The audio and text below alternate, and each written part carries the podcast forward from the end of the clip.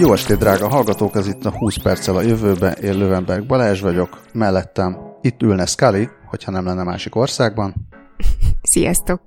Velem szemben ülne Dávid, ha szintén nem lenne másik országban, de ugyanabban, mint Scully. Hello! És azonnal kezdünk egy már abszolút hagyományosnak mondható a follow belül is külön rovattal, ami a Borostyán follow rovat. Sajnos, sajnos nem a Borsodi támogatásával. Még. Nem tudok mit kezdeni, amikor, a, amikor Scully beír, vagy bárki beír a jegyzetekbe szóviccet, hogy ezt most uh, tartjuk-e meg magunknak, de szerintem nem, úgyhogy most én addig csöndben maradok, amíg Scully ezt nem követi el, hogy a Borostyán follow rovatot, hogyha a Borsodi sör támogatná, akkor mi lenne akkor nem borostyán lenne, hanem söröstjén rovat. És nem tudom, ezeket csak így, így eszembe jutnak, és akkor így leírom, aztán így kezdtek vele, amit akartok. De meg is tarthatjuk magunknak legközelebb. Például felolvastatjuk veled adásban. Például. Hogyha nem írtam volna oda, akkor lehet, hogy elfelejtettem volna most arra, tehát legalább már csak erre jó volt. Szóval, azt írja Gergő, akinek nagyon szépen köszönjük a vörösborostyánkukackazt.hu e-mail címre küldött visszajelzését. Egyrészt ír nagyon kedves szavakat, amiket most nem ismételek meg, mert elolvastuk és nagyon jól érezzük magunkat tőle, ez elég is, de azt írja, hogy amikor ő a jogsiát csinálta, 2005 környékén, Kressz oktatója kifejezetten kitért rá, hogy az autó műszerfelen a tompított fényszóró működését jelző lámpa hivatalosan borostyán sárga. A távolsági fényszórói pedig indigó kék színű. Soha nem volt erre a tudásra szükségem, de örök életemre megjegyeztem, mondta Gergő és azt is megállapítja, hogy ez alapján Európában az index lámpa ugyanolyan színű, mint a fényszóró jelzőfénye. Na, várj, nem én tudom, hogy azóta... Va, va, én valamit nem értek. Valamit. Tehát, hogyha jól értem, akkor itt a, a, a borostyán sárga... Na nem, várjál. Ha jól értem, akkor ez most a visszajelző lámpákról van szó, nem a... Ami, tehát a visszajelző lámpákról, amik a műszerfalon világítanak. Nem, ja, Dávid, a, bor, a borostyán sárgáról van szó. De egyébként Ért. igen. Egyébként igen, igen, valóban. Viszont Most abból a visszajelző lámpáról beszél. Igen, igen, igen. És akkor hogy jön ki, hogy az index lámpa ugyanolyan, mint a fényszóró jelző fénye? Hát azt, hogy az index lámpa borostyán sárga, azt a podcastból tudhatta meg a kedves hallgató. Azt, azt tudom, az a tisztában, ez, ez az egy biztos pont van az életemben jelenleg. Hát és kilogikázta, hogyha ez is borostyán sárga, meg az is borostyán sárga, akkor a kettő következésképpen ugyanolyan színű kell, hogy legyen. Na de várjál, a Fényszóró visszajelző fénye a legtöbb autóban. Ez itt a Fényszóró podcast, kedves hallgatók. a, a fényszóró visszajelző fénye, ami izé, tompított fény, az a legtöbb autóban zöld, nem? Nem, az indigó kék. Az, nem, az a fény... Az a távolság. Az, az a távolsági, ja. az a fényszóró. Ja, az, az indigó kék, ja. az valóban így van. De a közeli, szerintem az tökre zöld. Hát lehet, hogy 2005 környékén, amikor Gergő a dízel zöldséges mercin tanult vezetni, akkor abba ilyen volt, és azóta meg változnak az autók, nem tudom. De várjál, mert én apukám 120-as Kodáján tanultam vezetni, és már abba is így volt, hogy zöld színű volt a tompított, és indigó kék volt a, a távolsági. Hát lehet, hogyha annyit innál, mint egy szoktató, akkor mindent borostyán sárgának látná. Rátapinthattál a lényegre. Na, hát és akkor a kimerítő fényszóróügyi székfoglaló után azonnal forduljunk el szerintem a nem koronás hírekre. Jó, nem tudom, hogy a pizzaszállító drónok fényszorója az milyen színű. Azt én sem tudom, de hogy kicsit alaposabban megnézzük, a jegyzetekbe is bedobott videót, akkor mindenki megtekintheti. Uh, nem, nem, nem, nem sokat tudok a mm, videó eredetéről, annyit csak, hogy hozzám damage jó voltából jutott el, úgyhogy a hallgatók nevében is köszi Damage. És... Én azt nem tudom, hogy a Damage-hez hogy jutnak el olyan videók a Humain Channel-től, aminek 213, 213 megtekintése van, ebből gondolom 82 a miénk, amikor így próbáltuk értelmezni ezt a videót. Damage-nek hogy... van néhány olyan direkt bekötött idegpályája, ami a gerinc hálózatba van bekötve, és szerintem ott úgy kapja ezeket. és ráadásul az a a videó címe az a következő. Drone Pizza Delivery China Corona. Ez ugye most itt a nem korona rovatban vagyunk még egyelőre. És az látható a videón, hogy megérkezik egy drón valami lakótelepi erkélyhez vagy ablakhoz, ott lepittyentenek egy Telefon. valamit, egy telefont lepittyentenek, majd egy orosz feliratú Domino's pizzás dobozt átnyújt a drón a usernek. Ez 14 másodperc hosszúságú ez a videó. 213 megtekintéssel, és ezt küldte el Damage. És Tehát... április 22-én töltötték fel, hogy akkor most már mindent elmondjunk. A Föld napján. Igen, úgyhogy uh, annyit tudni hogy, a... Úgyhogy mi van? annyit tudni a Domi- Domino's pizzáról, hogy a Flirtiz nevű drón szolgáltatóval uh, léptek partnerségre az első kiszállítás, első pizza kiszállításnál, de az még 2018-ban volt, és Oaklandben. Meg ezek nem ilyenek. Tehát ez, ez, ez úgy néz, tényleg egészen fura. Én arra gyanakszom, hogy ez vagy nem igazi drón, és csak valami... Műdrón? Hát vagy nem is műdrón, de hogy a videó, lehet, hogy a videó egy kicsit ilyen manipulált, vagy nem tudom mi. De hogy nem, olyan, olyan furán néz ki ez az egész, meg ez a robotkar is, meg minden. Tehát azt gondolnám, hogy ez egy CGI drón, mert általában amikor a drónos ö, pizza szállítások vannak, akkor az nem így néz ki. Meg ugye erről nem hallani semmit sehol, és nem nagyon láttam ezt a, ezt a videót, vagy erre a videóra bármilyen módon is hasonlító pizza kiszállítás sehol nem láttam. Annyiban, tehát hogy mindenképpen igazad lesz, mert a, ami, ami, amire, ami legalábbis gyanús, tehát eleve a mozgása is fura ennek a drónnak, de a YouTube videó kommentjeiben Stalin szelleme személyesen adja meg a választ, és annyit írt, hogy akárki is csinálta, ezt ö, megérdemel egy Oscárt, mert hogy ez a drón úgy néz ki, mint az Oblivion című játékban a drónok. És de megnéztem az Oblivion drónjait, és tényleg egy egybe így néznek ki, csak nem zöldek. Úgyhogy ez, ez, ez jelentősen megnőtt szerintem a, a, a az esélye annak, hogy tényleg egy, egy közé, közepesen jó sikerült cégéiről van szó. Minden esetre tök jó, örülünk neki, Igen. és drónokkal szállítanak ki pizzát. Hát, évek óta időről időre előjön az, hogy most már ez is, most már amaz is, és az is igaz, hogy amikor a Domino's előjött azzal, hogy ők pizzát szállítanak ki a világon először drónnal, akkor az oroszok elkezdtek pattogni, hogy náluk már a Dodo pizza az szállított ki drónnal pizzát. Na, és, ugye? és különben is ők az elsők. Úgyhogy az orosz kapcsolat ilyen értelemben valahogy megvan. Lehet, hogy ez még annak volt a koncept videója. Csak most töltötték fel. Hát kallódott egy darabig, aztán ugye ezek így előkerülnek. És Na. átküldik Damage-nek. Igen. Lehet, lehet, hogy ez Damage szolgáltatása, ilyen ez egy silent launch elindult. Na jó, hát ettől még örülünk neki, felülem aztán drónnal is hozhatnak pizzát. Én most itt a nagy elzártságban majd éppen arra készülök, hogy én magam készítsek pizzát, és akkor nincsen szükségem semmiféle drónra, legfeljebb azért, hogy elküldjem valaki másnak drónnal. És elküldöd nekünk? Hát, hogyha küldötök nekem egy olyan drónt, amivel innen odáig tudom küldeni a pizzát, akkor simán elküldöm. És közben nem lövik le egyik határon sem. Na igen. És még nem szedik le sassal. Lehet, hogy egyszerűbb akkor, hogyha a gyalog el, mondjuk abba elkopik a cipőt talp, amire ide sétálsz. Nagyon szép, de szerencsére a technológia segítségedre tud sietni, amennyiben 6, azaz 6 perc alatt pótolható lesz az elvesztett talp, méghozzá nem, nem akárminek, hanem egy robot köszönhetően. Egy robot Schuster a múltból, ugyanis annak ellenére, hogy a mocskos meseből ezt megint friss videóként találta a Twitterén, ez egy 2018-as hír, Unique botnak hívják egyébként, két ilyen hát már szinte mondhatnám, hogy hagyományos robotkar ról van szó. Ezek most nem kukák, hanem az ABB cég gyártmányai, és e, e, ez a két kar egy, együttesen alkotja a Unique Bot nevű Schuster robotot, nem tudom szebben mondani, meg amúgy, amúgy is ez egy tök jó szó.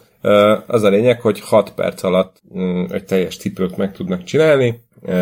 Ezt a Keen nevű sportszergyártónak volt egy ilyen pop-up mm, pop-up gyára, amit a világ legkisebb cipőgyárának is neveztek, amit így körbehurcoltak Amerikában, és akkor gondolom akkor ezzel népszerűsítették a különböző robot, robotok által elvégezhető dolgokat. Egyébként rohadt, rohadt jól néz ki az a cipő, ami inkább papucs, vagy ilyen kis szandálka, ami, amit ez legyárt, mert valamiféle ilyen összetett horgolási technikával rakja rá a talpra ezt a felső részt. Tehát nem tudom, hogy van, van-e másfajta cipő, amit ez gyárt, de ez, amit, amit bemutatnak a videón, az úgy néz ki, hogy van egy a talp rész, és akkor utána, mintha a cipőfűzőből horgolná össze a felső részt a robot. Igen. Az a nagy előnye, hát ez a nagyon rövid, rövid idő, amiről azt mondja a cég, hogy az, az is jó lesz benne, hogy a, az ilyen ellátóláncok folyamatait tudja gyorsítani, rövidíteni, és hát ezzel ugye csökkenti a környezeti, a káros környezeti hatásokat is, ugye nem kell szállítani, csomó mindent, meg, meg hasonlók, és emellett még üzleti szempontból a, azonos napi gyártás és, és eladás lehet a, a vonzó ö, szempont, tehát hogy ezzel meg lehet csinálni, hogy valaki bemegy a boltba, és azt mondja, hogy én egy ilyen és ilyen méretűt szeretnék ebből a cipőből, de nem olyat, ami a polcon van, hanem más színekben, akkor, akkor azt egy fél órán belül tudják neki produkálni. És hát ez mondjuk elég jó, én mondjuk ezt különösen élném, mert ugye én sose kapok normális méretű cipőt a lábamra, az elég jó lenne, bemennék a boltba, és azt mondanám, hogy na, abból szeretnék egyet, és akkor most elmegyek ebédelni, és mire megebédelek, addigra kész a cipőm. Ö, egyébként tízféle ö, különböző színnel tud egyszerre dolgozni a robot, é, amiből 25 féle különböző kombinációt tud összepakolni. Wow. Ebben még azt tetszik, hogy látszik, hogy itt a robot képességeihez alkották meg a cipő formáját. Tehát nem, nem az van, hogy elképzelsz egy cipőt, és akkor azt, vagy elképzel a mondjuk a cipőkészítő, cipőtervező elképzel egy cipőt, és akkor azt megcsinálja, és igazából bármit meg tud csinálni. Persze vannak ilyen szabványcipő, hát nem is a szab, szabványcipő elemek, mert mondjuk a lábad az ugyanúgy néz ki általában, egy ember lába, de, de hogy nagyjából amit lerajzol a tervező, azt össze lehet, tehát ki lehet szabni, meg össze lehet varni, meg össze lehet ragasztani, itt pedig látszik, hogy tudták azt, hogy oké, okay, ez a robot képes ilyen jellegű mozgásokra, és akkor ehhez kellett tervezni azt, hogy hogy fog kinézni a, a cipő, meg hogy épül fel. És ha jól értem, akkor ezt hát nem feltétlenül csak azért csinálták, de az is az egyik szerepe volt ennek a kis Schuster robotnak, hogy, hogy robotika hallgatóknak, ilyen design hallgatóknak megmutassák, hogy mire képesek a robotok. Igen, ez, ez egy egyfajta ilyen demo állomásként is funkcionált ez a cucc. Szóval ez jó, és ezért, ezért is mondtam, hogy oké, okay, tudjuk, hogy a meseből az nagyon szeret ilyen pár éves sztorikat feltállalni, amikor éppen nem tudnak mit, de, de azért ne dobjuk ki, mert aranyos sztori, meg tetszik a videó, meg tetszik a cipő, nem tudom, kipróbálnám, hogy mennyire kényelmes. Egyszer volt nekem olyan cipőm, hát nem, nem nevezném cipőnek, inkább ilyen szandál, ilyen alig szandál. Ez a kalandszandi? nem tudom, hogy úgy hívják-e. Ez, amit az izraeli katonák is használnak. Ez az nem, ilyen... nem, nem, nem, még az se. Tehát egy valami hippi futócsávó, aki kitalálta, hogy a mezitlábfutás az sokkal jobb, mint a nem mezitlábfutás, de azért mezitláb mégis tök szar belelépni dolgokba, és akkor csinált egy olyan dizájnt, ami majdnem olyan, mintha mezitláb futnál. Ja, ez a lábkesztyű? Ez a huarácse. Huarácse, tehát mint az ilyen mexikói, vagy nem tudom, milyen indiánok amit használnak, hogy egy darab bőrből, vagy akármiből kivágsz egy nagyjából talp formájú dolgot, és akkor így átfűzöl rajta egy, nem cipőfűző, de ezt a bungee cord, vagy nem tudom mi, tehát cipőfűző szerűséget, átfűzöd valahogy a lábadon, és akkor ez a szandál. Ilyen kis cérna, cérna szandál. És hát hogy mondjam, szóval, ha innen nézed kényelmes, ha onnan nézed, akkor rohadt kényelmetlen bizony, bizonyos értelemben, nehéz megfogalmazni, ezt így ki kell próbálni, de öm, nehéz valahogy így kép alapján megmondani, hogy ez a, ez a cipő, ami megint csak talp és, és ilyen madzagból áll, hogy ez hordva kényelmese mondjuk egy hát, 10 percen túl. Ö, hát szerintem, ami ilyen csak vékony madzagokból áll, és úgy ölelik körbe a lábadat, szerintem az nagyon hamar szúrhat, nyomhat fájhat. De jól néz ki, az tény, tehát így mennyi nő hord olyan cipőt, ami nem kényelmes, de jól néz ki. Mennyi? Sok, biztos. Sok, sok, igen. Sőt, én most a RuPaul Drag Race nézem, és igazából rengeteg férfi is hord olyan cipőt, ami ö, nagyon szép, nagyon nőies, de kényelmetlen. És előbb-utóbb ég benne a lábad. Ajaj. Hát... Mit lehet olyankor tenni? Hát szerencsére, mert a tűzoltók munkáját is el tudják venni a robotok, ugyanis a, innen is üdvözöljük Szondi Dávidot, a newatlast.com úgy, ö, szerzőjét, ő írta ugyanis a Millerem Robotics és az Innovafoam nevű cégek ö, együttműködéséből született tűzoltó robotokat, amik nagyon... És mielőtt, mielőtt, még, mielőtt még tovább beszélsz a tűzoltó robotokról, Szandi Dávid biója nagyon tetszik, mert ő nem csak szabadúszó újságíró, de egyúttal színdarabokat is ír Ó, a bi- biója szerint, és egyébként meg régész is volt, meg minden. Szóval Szondi Dávid, hogyha esetleg ezt hallgatja, akkor nagyon érdekelne az életének mindenféle ilyen részlete, hogy mi minden volt Szondi Dávid, és mi nem. igen, a Szondi Dávid És hol- hol a címen várjuk a megkeresését. De most térjünk vissza előtte a, erre a tűzoltó robotra. Nagyon vicces, elsőre ránézel, legalábbis nekem a, a klasszik piros Nescafé-s bögre jutott eszembe valamiért róla. Ö, ennek semmi köze egyébként a robothoz, mert amúgy nem hasonlít rá, csak az a piros alapon fehér betű valószínűleg az ö, hozta ezt elő belőlem. De el tudnám képzelni, hogy egy ilyen piros tankszerű izé odajön és kitölti a kávédat reggel. Ugye? És, az, és, És nem, aztán eloltja a tüzet. és nem az van hogy Rescue, hanem hogy Nescafé, vagy hát akkor lehet. Rescafé. Ne, Nescue, azaz. Oké, okay, ezt levéd, levédettük és eladjuk a Nest, Nestlének. Szóval UGV-nek hívják ezt a cuccot, vagyis hát az alapját, ami az Unmanned Ground Vehicle-nek felel meg, és egész pontosan egy Unmanned Ground Vehicle Multiscope Rescue robot. Uh, tehát ez egy ilyen mm, többféle módon felhasználható mentőrobot, viszont erre építették rá az Innovéfomnak a tűzoltó rendszereit, ilyen tűz megfigyelő eszközöket, hab adagolókat és hasonlókat. Ugye hát ezt talán nem kell nagyon mondani, hogy, hogy milyen előnyei vannak annak, ha tűzbe nem kell egy embert beküldeni, hanem egy gépet lehet helyette beküldeni, aki megoldja a dolgá, dolgot. Kíváncsi, kíváncsi vagyok, kíváncsi vagyok, hogy mennyire szomorkodnának a tűzoltók, hogyha ezt a jellegű munkájukat elvennék a robotok. Hát attól függ, hogy milyen munka jut nekik helyette. Hát Én arra- a robotok irányítása esetleg? Én arra gon- gondoltam, hogy megnézem azt a helyzetet, hogy beküldjük-e a három tűzoltót, vagy küldjük be a ott álló nagyon sok millióba kerülő robotunkat. Mhm. És akkor a szakszervezet küzd azért, hogy Igen. már pedig igenis joga van annak a tűzoltónak, hogy bemenjen a tűzbe. Igen. Na most, amit még tud, ez a cucc 1200 kilót nyom. Ja, nem, bocsánat, 1200 kiló a maximális teherbírása, és 21 ezer newton húzó erőt képes kifejteni.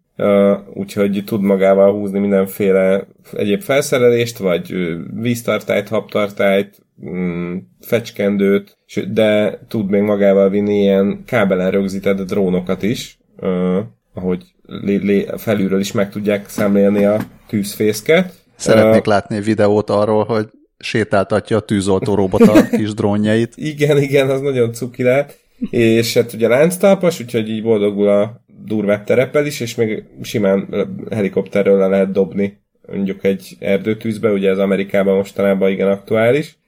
Egyébként pedig percenként 20 ezer liter vizet vagy habot tud kiköpködni magából, és akkor ezen kívül infravörös, termál és gáz és egyéb vegy, vegyi anyagokat érzékelő szenzorokkal is felszerelték, és akkor van olyan, tehát többféle kamera is van rajta, van, ami, van amin keresztül irányítják, de van olyan, amin keresztül meg ö, ezeket a, mondjuk a, például az infravörös ö, felvételeket lehet készíteni és figyelni. Az a baj, és egyébként- az, elején mondtad a, az elején mondtad a kávét, és én ettől nem tudok szabadulni. Tehát bármi, bármi elhangzik, azonnal a kávé kontextusba helyezem, és amikor azt hallom, hogy van habtartája, meg ilyenek, akkor, akkor is csak arra tudok gondolni, hogy jó, jó, ez, ez rendben van, de szeretném azt a webshopot, amikor ennek a kicsi kávés változatát meg lehet rendelni. É, Viszont az a jó hírem van, hogy a cikk alatt látható videó 24. másodpercénél láthatod azt, amikor elkezdi sétáltatni a kis drónját. Sajnos csak egy CG-in, de az is több, mint- több mint a semmi. Na, egy olyan kávéfőzőt én is megnéznék, ami tudja sétáltatni a saját kis drónját.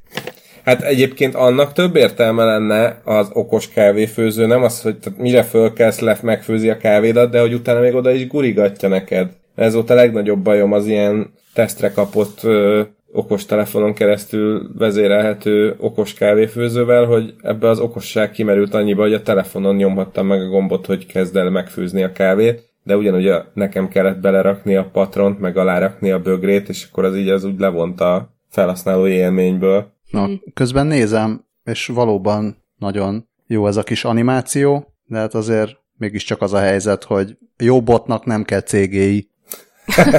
szép. És szép, a jó szép, ainak kell gyors, valami? Én közben megnéztem gyorsan a Milram Robotics-nak a weboldalát, hogy nincs -e esetleg ajándékshopjuk, ahol kis robotot lehet vásárolni, de nincsen sajnos, úgyhogy viszont a nyári iskolájukban még várják a jelentkezéseket a robotok iránt rajongó gyakornokoktól, úgyhogy drága hallgatók lehet jelentkezni a festői Tallinnban. De csak akkor jelentkezzenek, hogyha garantáltan egészségesek, nem? De bizony. És mindjárt beszélünk is az egészségről, még csak azt akartam mondani, hogy nem, nem engedem el ezeket a kis robottűzoltó autókat, amikből kávét lehet inni. Szóval ezek ilyen klasszik Kickstarter projektek. Hát, lőjük fel, szerintem nagyon nagyobb Hát valaki lője fel, akinek van erre ideje. Na igen. Csak az ötleteket adjuk. Ez nagyon beteg ötlet. annyira, annyira szeretem Sky, hogy nem engeded el. De... És milyen Most igazad van. Nem. szóval magam, az történt, hogy a, a Google, Google-nak van egy olyan ilyen alcsapata, ami nem is tudom, hogy miért nem alfabet, és miért Google még mindig. Alfabot.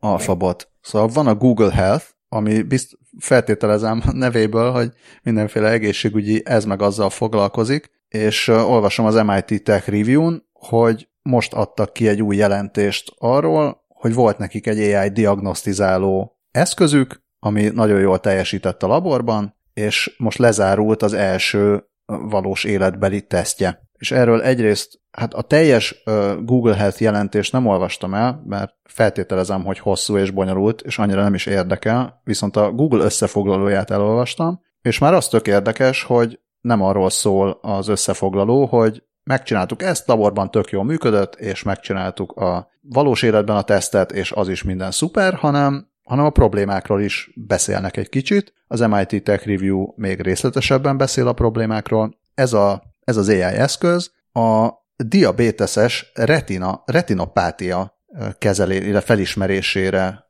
készült, ami egy olyan szembetegség, ami cukorbetegségnél alakulhat ki, egy ideghártya betegség, és a olvasom a webbeteg.hu-n, hogy a felnőtt korban történő látásvesztés leggyakoribb oka. Ó. Oh. Ez a, ez a szemkárosodás. Viszont, ja, és, és nagyon fontos a korai felismerés a kezeléséhez, mert később már nem kezelhető, ez nem, nem gyógyítható. Azt csinálja a Google ai hogy, hogy a szemről készült fotókon észreveszi azokat a foltokat, amik erre a retinopátiára utalnak és nyilván ez sokkal gyorsabban tudja csinálni, meg sokkal nagyobb mennyiségben, mint a, mint a humán orvosok, és aztán, a, hogyha észrevesz valamit, tehát el lehet küldeni neki egy csomó fotót, akár olyan helyekről is, ahol nincsen specialista, aki tudna diagnosztizálni, és hogyha problémát lát, akkor ezt jelzi, és, és akkor elég azoknak az embereknek elmenni már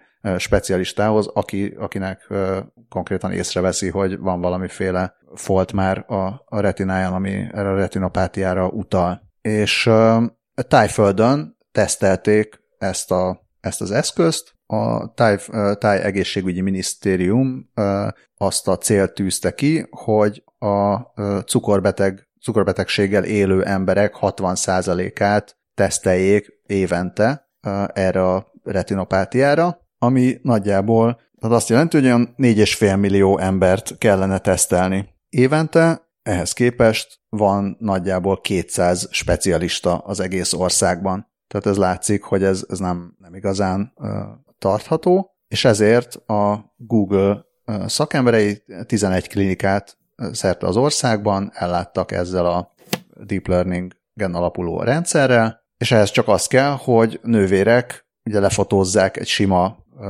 orvosi vagy rendelői látogatásnál, lefotózzák a páciensek szemét, és aztán ezt vizsgálja meg a, a Google eszköze. Általában ez mondjuk egy ilyen 10 het, tehát hogyha nem lenne a Google, akkor ez egy ilyen 10 hetes ö, folyamat lenne, mire elküldik a rendelőből a specialista, spe, ana, a rendelőből a specialistához elküldik a fotót, majd aztán ez ö, visszatér, ez, ez nagyjából így 10 hét lenne, ehhez képest ez sikerül 10 percre lecsökkenteni, és a, a laboratóriumban, vagy hát a, a korábbi korlátozott teszteken ilyen 90%-os pontosságot értek el ezzel az AI eszközzel. Azért az elég laza. Az, hát az már az, már az amit, a, amit a, a fejlesztő csapat azt mondja, hogy ez, ez megfelel a, a humán specialisták által elért diagnosztikai pontosságnak, és, és akkor ezt, hát ez a 90 százalék, ez ugye ez a, a, az első ilyen még nem, még nem valós körülmények között végzett tesztekben volt, és akkor megnézték, hogy oké, okay, akkor most ez ebbe a 11 klinikába mit sikerül elérni, és itt tapasztalták, hogy azért a, való világ az nem teljesen olyan, ugye, ahogy már azt Gangszazoliék is megmondták, csak érdekesek, érdekesek azok a problémák, amiket, amiket aztán leírnak a jelentésben, hogy például nem ugyanolyan a, a világítás az egyes rendelőkben, lehet olyan, hogy, hogy itt-ott úgyis megjelennek foltok, hogy amúgy, amúgy nem lennének, és ezért a, az AI azt mondja, hogy nem tudja értékelni az adott fotókat. Pedig mondjuk egy, egy ember, egy orvos, akinek nagy tapasztalata van, az ezek a, a rosszabb minőségű fotók alapján is már tud következtetni valamire, míg a, a gép az, az erre még nem képes. Tehát persze ettől még azt mondják, hogy ez tök hasznos volt az, a, a maga a teszt, és javítanak a, a protokollon, be kell vonni specialistákat a, az AI-t segítendő is, de hát így is azért lehet csökkenteni a, felesleges utazásokat például, amikor mondjuk vidékről városba kéne jönnie a szerencsétlen táj betegnek. Mindenképpen, mindenképpen hasznos volt a teszt, mondja a Google, meg mondja az MIT is, de, de az látszott, hogy, a, hogy leginkább mondjuk ez a, a nővéreknek, meg az ilyen helyi rendelőknek segít ez a, ez a rendszer, és, és azt is mondják, hogy hogy nagyon fontos. Tehát, amit végül mi is láttunk korábban, hogy egy csomó ilyen AI uh, diagnosztikai rendszer, az tök jól működik, amikor, amikor megnézik egy ilyen korlátozott mintán, meg nagyon szuperül összeállított mintán, hogy működjön a teszt, és lehessen belőle cikket írni, de valószínűleg a legtöbb ilyen fejlesztő csapatnak egyszerűen nincsen meg, hát se a kapacitása, se az egyéb anyagi, meg semmilyen lehetőségei, hogy azt mondják, hogy oké, okay, tök jól működött itt a Nottinghami Egyetemen, a három hallgatón elvégzett székletdiagnosztikai ai akkor most menjünk el, és Tájföldön vagy Új-Zélandon 25 klinikának szórjuk szét az AI-t, és akkor nézzük meg, hogy fél év alatt mit tudnak csinálni. Szóval ezt, ezt a Google meg tudja csinálni. Hajrá Google! Örülünk, amikor ilyeneket csinálnak. Ja, várjuk, hogy a, hogy a meseból két év múlva megosztom róla egy videót, úgyhogy friss a tudsz, és akkor annak kapcsán majd megnézzük. És akkor már érdemben is beszélhetünk róla. Ja, egyébként ugye ez itt még a nem korona rovat, és persze ez, ez nem korona, de olyan értelemben egy picit mégiscsak korona, ez az egész ilyen elveszik a munkánkat téma, hogy, hogy ugye az ételkiszállításnál is, meg itt a, a diagnosztikánál is, meg a tűzoltásnál is, azt látjuk, hogy most így az emberek egy csomót így otthonról dolgoznak, hogy nagyon sok esetben nem olyan nagyon nagy baj, hogyha elveszik az emberek munkáját, és ezt úgy máshonnan is hallottam, hogy egy kicsit, szóval amikor, amikor majd így visszatérünk, vagy ha nem visszatérünk a normálba, de amikor elkezd az ember már nem annyira a, a, járványjal foglalkozni, hanem azzal, hogy hogy alakult át a társadalom ez alatt a pár hónap alatt, vagy hogy mi, mi minden fog átalakulni, akkor azért a munkához való hozzáállás nem abból a szempontból, hogy jaj, de jó, mert nem dolgozunk, hanem, hanem az, hogy egyáltalán mit jelent, mit jelent az, hogy dolgozunk, meg mennyit kell bejárni, meg mennyit lehet távolról dolgozni, jó ez, ezek a, ezek a kérdések egy kicsit így afelé mennek el, hogy hát tulajdonképpen egész jól el lehet végezni egy csomó munkát úgy is, hogy nem vagyunk ott, nem is olyan nagy baj az, na hol vannak azok az eszközök, amik ezt lehetővé teszik, legyen az AI, vagy legyen az egy ö, ilyen telekonferencia eszköz, vagy csak az, hogy működjön a net, meg, meg legyenek robotok, meg ilyesmi. És egyre kevésbé, tehát szerintem egy kicsit úgy enyhíti az ilyen elveszünk, elveszik a munkánkat jellegű félelmeket a mostani helyzet. Hát, Legalábbis ö... így ezt, ezt érzem. Hát annyiban enyhíti, hogy akinek még nem, aki még nem vesztette el a munkáját, az, az valószínűleg örül, hogyha lát egy olyat, hogy nem tudom, drón hozza a pizzát is, mert akkor még egyel kevesebb emberhez kell hozzáérni. Aki meg most elvesztette a munkáját, az most nem egy robot miatt vesztette el a munkáját, tehát azokat meg azért nem érinti ez most szerintem. De, de, de olyan értelemben is, hogy azért a kormányoknak előbb-utóbb majd kell kezdeni azokkal az emberekkel valamit, akik elvesztették a munkájukat, és, és fel fog merülni az, hogy nem a, nem a munkahelyeket kell itt védeni, hanem az embereket kell védeni, ez nem az én ötletem, tehát e- erre mondtam, hogy ezt úgy hallom máshonnan is, ja, hogy ja. Ha, ha megvan annak a, a módja, hogy az embereknek ne legyen nagyon szar, akár azzal, hogy, hogy, hogy legyen egy alapjövedelem, akár azzal, hogy, hogy a távoli hozzáférésekkel is működjenek a, a munkák, akkor tényleg, tényleg szép lassan meg fognak, tehát ezek a félelmek fognak megszűnni, hogy de mi lesz, hogyha itt most a robot elveszi a, a munkámat. És attól fogunk félni, hogy mi lesz, hogyha egy újabb vírus elveszi a munkámat. Ne, ne legyek ennyire pozitív bot.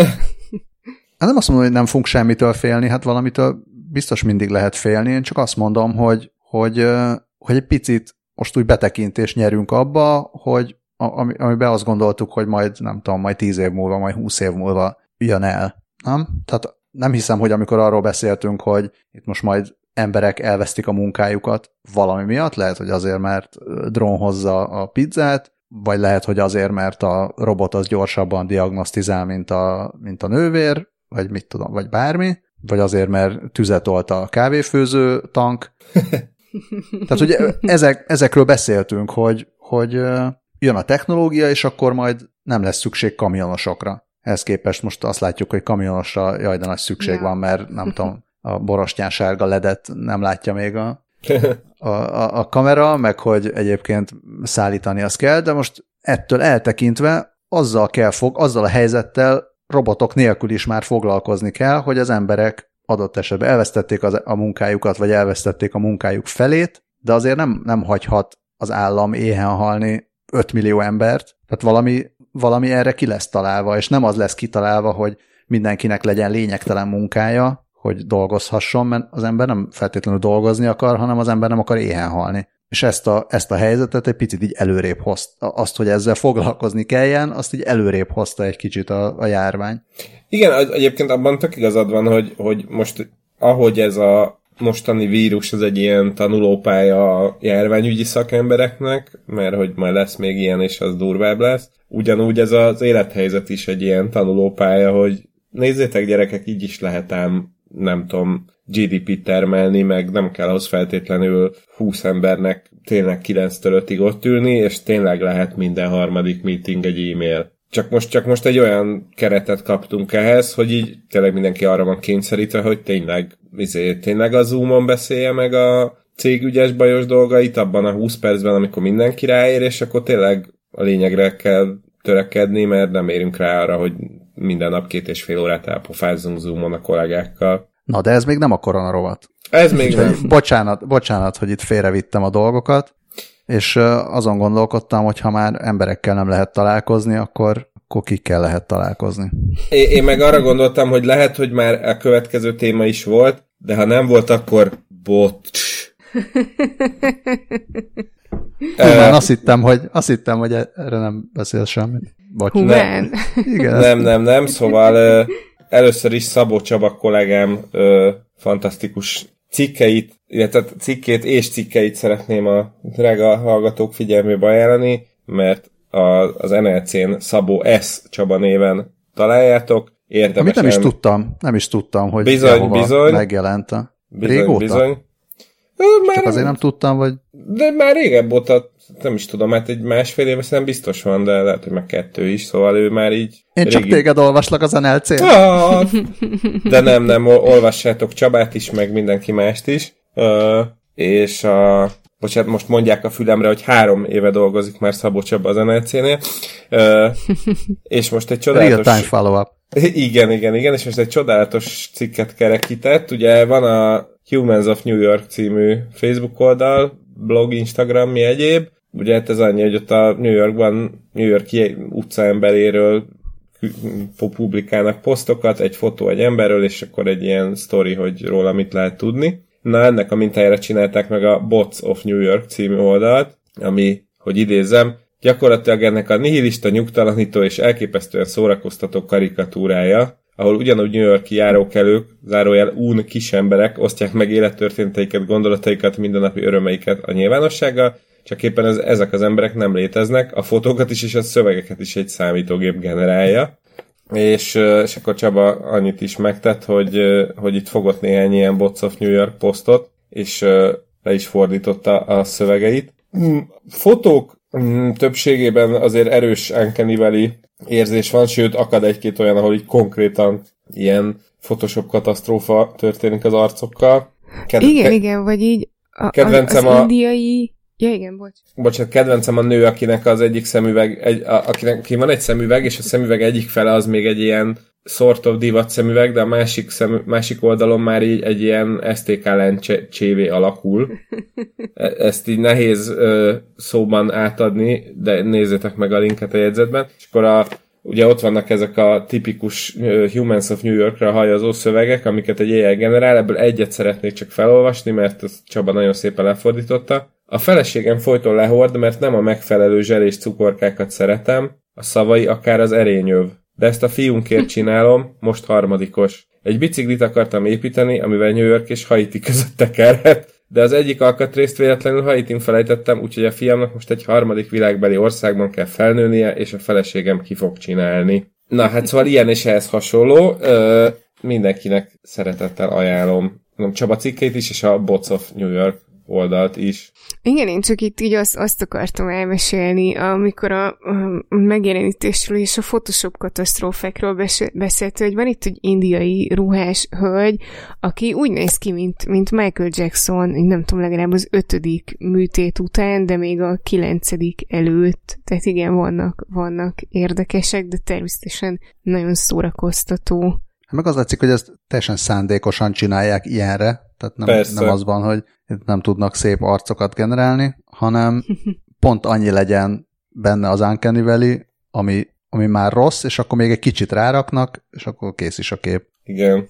Úgyhogy még, még, még az a, még a leges-legelső szöveg is ö, eléggé veretes. Annak az alanya arról beszél, hogy egy sebész megpróbálta kivágni az agytörzset a fejéből, majd de még szerencsé, hogy ács, és ezért tudott magának egy új agytörzset készíteni tiszta mahagóniból. Tehát ez azt hiszem egész pontosan átadja ennek a komolysági szintjét, de, de tényleg ilyen botos viccesnek nagyon jó. Ja, csak hogy az Ács, aki készített magának új agytörzset, az kicsit már ilyen Jézusra hajaz, nem? Hát igen. Hogy igen. másnak készítette volna. Azt, azt szeretném látni, hogy esetleg valaki, aki ráér, és össze tud egy ilyet hekkelni, azt csináljon egy Humans or Bots of New York eldöntős játékot. De hát akkor or Bots of, nem tudom, kőbánya, az még viccesebb lenne, nem? Hát csak azt nem tudom, hogy ott van-e van-e, van-e, nem, nem, agytörzs az biztos van, de hogy van-e alap sztori, ja, amivel lehet válogatni. Ja. Nem, hát minta. Tehát nem tudom, hogy van ilyen, hogy Humans of kőbánya, meg Bots of kőbánya, ahonnan lehet sztorikat szemezgetni, és akkor elé dobja, hogy válasz, hogy ez most melyik? Hát erre human, gondoltam, hogy... Humans of Budapest az szerintem van, abból, abból már le lehet szűrni. Nem tudom, én csak javasoltam, de lehet az, hogy az elején uh, Humans or Bots of New York, és akkor a, azok alapján, a tapasztalatok alapján új fejlesztés. Kiegyezem ezzel. És sajnos nem az én asztalom egyébként. Hát igen, e, ez sem, de vagy az nem tudom, hogy a következőben benne vagy-e. Nem, nem, sajnos nem vagyok benne, és nem is, nem is rendeltem még, de majd elgondolkodom rajta, mert itt így a magyar tervezők óriásit robbantottak az Indiegogon egy okos asztallal. Az Index néhány napra, napja írt róluk, most, amikor felvesszük a az adást, akkor még 24 nap van hátra a gyűjtésből, és 10 ezer dollárt akartak összegyűjteni, és most már 154 ezer dollárnál járnak, úgyhogy, úgyhogy elég nagy érdeklődés övezi. Ö, és hát olyan, olyan asztalokat gyártanak, amikben kb. minden benne van, amit akarnál egy asztalban, de eddig nem elérhető. Mm, többféle asztal van, többféle funkciókkal, és most a támogatások, hát ilyen le- leárazva 450 dollártól 1100 dollárig terjedő támogatások közül lehet választani, és akkor ilyen mindenféle speckó funkciók vannak az asztalokban, lehet állítani a magasságot, ülő, álló és komfort funkcióba, Fekvő. bármit is jelentsen ez. Figyelj, komfort, ez nem tudom, végül is lehet. Ö, a appal lehet szabályozni egy csomó mindent benne, köztük a magasságot is. Van benne egy ilyen beépített fitness és egészségmodul, ami egyrészt szól, hogy mikor van az, amikor már túl sokat ültél, és most már elva kéne folytatni a munkát, sőt, elvileg személyre szabott torna gyakorlatokat is összerak, amiről sajnos én elkezdtem végignézni a videókat az Indigo-gon, de nem láttam meg a, ezeket a torna gyakorlatokat, pedig az érdekes lenne, hogy hogy az asztal hogyan mondja meg neked, hogy most akkor tíz googolás, és akkor figyeli, hogy csináld, vagy mi van. Na aztán van még benne levegőszenzor, szénmonoxid jelzővel, van vezeték nélküli töltő, és ilyen kábel elvezetés, hogy ne lógjanak szét a kábeleid. Van olyan fiók, ami az appal nyitható, és akkor így tök biztonságos, mert a kollégáid nem lopják ki a, tudom, a zsírkrétádat meg van benne beépített hangszóró, ergonomikus láptámasz, és ilyen aroma párologtató is. Úgyhogy ilyeneket tud, és e- erre így akkora igény van, hogy így tökre rárepültek az emberek az indigógón. Nem említetted még azt, hogy lehet rá skiccelni is, lehet rá jegyzetelni, mert olyan felülete van, hogy rájegyzetel, vagy hát feltételezem, hogy kérhető ilyen felülettel is, mert van fa, vagy hát fa jellegű felülettel rendelhető változat, de van, van olyan is, ami... Fa hatású. Igen, fa hatású, de van olyan is, ami ilyen filztollal, amire így filztollal rajzolhatsz, meg letörölheted. Lehet Bocs, jegyzetelgetni, igen, mint a, az ilyen régi, ilyen nagy asztali, egész asztalos naptárakra. Bocs, igen, valóban ezt nem említettem. Ez tök menő, és egyébként olyan szinten nem is drága, hogy nézem, hogy a fapados verzió kerül szűk 150 ezerbe, a full extrás meg 360 ezerbe, ami így jó, nem kevés pénz egy íróasztalért, de, de azt gondolom, hogy ennyiért per, de sokkal drágábbért is lehet venni olyat, ami így fából van, és egy asztal, és semmi mm-hmm. ilyen, ilyen technika nincs benne, úgyhogy ehhez képest... Semmi ar- aromaterápia. Tök barátságos ja, meg, ára van. meg ennyire cég. az meg a másik. Én egyedül az Index szerzőjének szeretnék egy fekete pontot kiosztani, ugyanis a, azért a mondatér, hogy a hidraulikus mozgató mechanikával felszerelt termék fő újdonsága, hogy okostelefonos appal vezérelhető a magassága. Ez szerintem se nem fő újdonság, se nem, se tehát eleve ez egy olyan funkció, ami így minek. Értem, hogy sokkal többet tud az app az asztalhoz, ezért nem is kötekszem, hogy most ez benne van, mert persze legyen benne, de azért erre kihúzni, hogy az a fő újdonság, hogy appal lehet állítani a magasságát, az, az, az nálam nem ment át. Lásd még az appal vezérelhető kávéfőzőt. Éjjel appal. Igen. De ettől függetlenül hajrá a magyar okos asztalosoknak.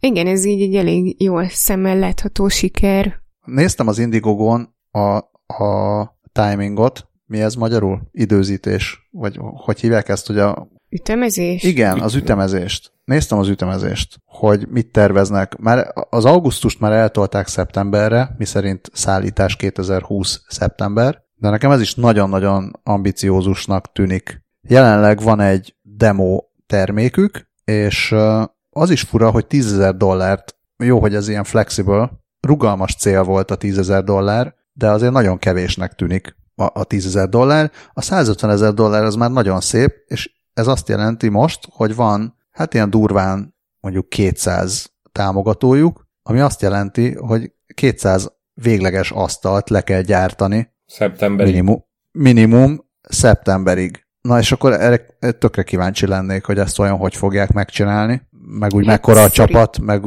meg úgy egyébként. Nem tudom, hogy az Indigogon, biztos beszéltünk erről, hogy azért az Indigogon is, meg mindenhol vannak ezek a problémák, amikor egyszer csak eltűnik a csapat, meg nem tudják szállítani, és akkor megy a hiszti, ilyenkor nem tudom, hogy milyen jogi következmények vannak, vagy mi lesz a 150 ezer dollárral, meg nem, én nem feltételezek semmit, tök jó, hogy ez megvan, inkább egyszerűen fizikailag lehetetlennek tartom azt, hogy ha most van egy demójuk, akkor 200 asztalt szeptemberre itt bárki legyártson, vagy akár jövő szeptemberre. És ez olyan lehetetlennek tűnik. Tehát nem tudom, hogy honnan van erre ember, meg anyag, meg minden. Hát nem lehet, hogy ők se gondolták, hogy ekkora siker lesz, és ennyit kell, és az, azt gondolták, hogy tök jó, ha összejön, persze, ha vesznek persze. tíz asztalt. Tökre egyetértek, tehát nem, nem azt mondom, hogy rossz indulatúak, hanem így együtt érzek velük, hogy ez milyen szar lehet, nem? Hogy egyfelől örülsz nagyon, hogy 15-ször több pénzt szedtél össze, mint amennyit gondoltál volna valaha is, akkor innen, akkor megkezdődik a, a logisztika, hogy oké, okay, és akkor ezt most hogy fogom megcsinálni? Mert a büdösebben nem gondoltam, hogy 200 asztalt kell itt összekalapálni. Ja, nem ez az első, nem ez, lesz, nem ez lenne az első ö, magyar részvételű bukta, így a, ezt nem tudom, hogy Indiegogo volt-e, vagy a, vagy a másik, de a Kickstarter, de volt, volt már egy ilyen, azt hiszem az egy ilyen... Hát biztos, hogy, biztos, hogy több is, biztos, hogy több is volt, tehát szerintem ez egy ilyen teljesen jellemző sztori, meg Ja, persze, persze. ha belegondolsz, akkor, akkor bármikor, amikor hardvert össze kell rakni, az a legrosszabb, nem? Hogyha ha ekkora a siker. Az rosszabb, mint hogyha, mint hogyha nem sikerül összeszedni a pénzt. Igen, hát ez biztosan olyan erős nyomást jelent, vagy hoz magával. Tehát most nem is csak, tényleg nem, a, nem így a magyarság, tehát azért beszélünk róla valószínűleg, mert magyar fejlesztés, és akkor írt róla az Index, és akkor elénk is került, de, de ettől függetlenül ez, ez garantáltan lehetetlen küldetés ezt megcsinálni, és különösen így, hogy amikor elkezdték, szerintem nem gondoltak arra, szerintem biztos, hogy nem gondoltak arra, hogy, hogy ez a tavasz, ez így, ahogy van, elmegy, lehet, hogy a nyár is elmegy, és persze emiatt, emiatt aztán lehet, hogy sokkal kevésbé fog rájuk megharagudni mindenki, amikor halasztást kérnek, de azt nem tudom, hogy, hogy vissza tudják-e akkor vonni a támogatásokat. Tehát, hogy az egész emiatt esetleg megbukhat-e, vagy hogy működik ez? Elvileg, elvileg szokták tologatni a határidőt, tehát lehet, hogy arra van valami lehetőségük, hogy azt mondják, hogy bocs, még fél év, és akkor eldöntheti a user, hogy, hogy visszakéri a pénzt, vagy vár türelemmel. Azt nem tudom, hogy mennyire lesznek türelmesek a, a, az emberek, itt így, akik ugye az elmúlt hat napban megrendelték, lehet, hogy pont a home office asztalukból volt annyira elegük, hogy akartak helyette valami mást. Ami majd év végére megérkezik. Közben mindenkitől elnézést kérek, hogyha egy kis fúrás behallatszik, mert hát mit csináljonak az emberek karanténban, ha ne, nem flexelnek. 3-4-8-kor, szép. Na, remélem hamarosan bekerül a helyére az a tipli, vagy csavar, és akkor átpillanthatunk a következő hírre. Bár én észleltem, hogy Scully már megpróbálta átvezetni egy kicsit korábban. Ja, de igen, most hiába próbálkozom. Ez nem az a nap. Nem, vagy szemesnek áll a világ, úgyhogy csak próbálkoz nyugodtan. Igen. Beszéltünk már itt korábban a, a augmented kontaktlencsékről, amikről eddig beszéltünk, azok még azért eléggé kis kezdetleges állapotban voltak. Azt hiszem, hogy talán egy darab, egy darab ledet már sikerült ki, mm, kigyújtani ilyen kontaktlencsében. Ennél most sokkal izgalmasabb a Singularity Hub-on megjelent beszámoló a Mojo Vision nevű startupnak a kontaktlencséről, amit egyébként még januárban mutattak be a CES-en, de ez talán, talán ez még az a kategória, ami még így a, a régi CES-es dolgokat hozza vissza, amikor tényleg olyan, olyan prototípust mutogattak, ami, amit azért úgy érdemes is volt megnézni.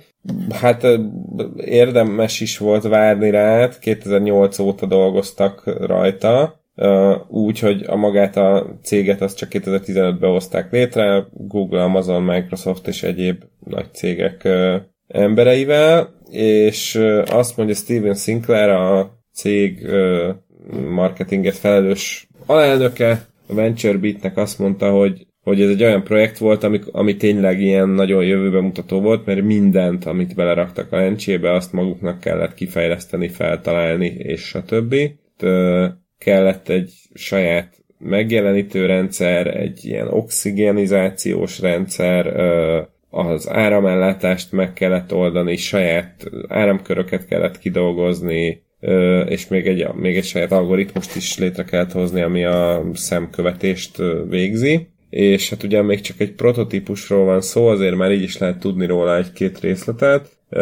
Úgynevezett microLED kijelzőről van szó, ami, ami a, a lencse közepe környékén helyezkedik el, ami tényleg elképesztő, hogy egy homokszem méretű területre 70 ezer pixelt ö, zsúfoltak be, ami azt jelenti, hogy ennek egész, ennek a kontaktlencsének, ha majd már működőképes lesz, akkor konkrétan 14K lesz a felbontása. Összehasonlításképpen az idei CES-en kezdték el mutogatni a 8K-s tévéket, amik, amik ugyan nagyon szépek, csak még éppen semmi tartalom nincsen rájuk, tehát a, a 14K felbontás az, az, az, az ezen a szinten eléggé lenyűgöző. Egyébként ez nem egy, nem egy lágy lencse, hanem ez a, az, az egyen merevebb, amit, amit többször fel lehet használni, éjszaka pedig be kell majd dobni egy ilyen fertőtlenítő folyadékba, bár azt nem, nem hordok lencsét, de azt talán a, a, a lágy lencsékkel is kell csinálni? Valaki mm, Hát nem fertőtlenítő, de folyadékba. Aha, aha. Ö, és ezeket a, az AR lencséket, ezeket majd olyan évente kell cserélni, egyelőre arról még nincs hír, hogy ez, ez mibe fog nekünk kerülni. Egyelőre azt a részét mutogatják, ami, a, ami ez a kijelző, ami, amiről itt beszéltünk, de közben fejlesztik folyamatosan a, az egyéb elektronikát, meg a mozgás és mozgásérzékelőt, képfelismerő algoritmust, vezeték nélküli adattovábbítást és az akkumulátor élettartamot is, és azt írják, hogy a, van egy ilyen fejlesztési roadmapjük, és a, azon látható, hogy hogyan melyik egyre, egyre több és több elektronikát pakolnak bele ebbe a cuccba, és a végső változat az majd olyan lesz, hogy ott az iris az, az, az be is lesz színezve, de ez csak azt a célt szolgálja, hogy ezeket az elektronikus alkatrészeket elrejtse a kíváncsi szemek elől.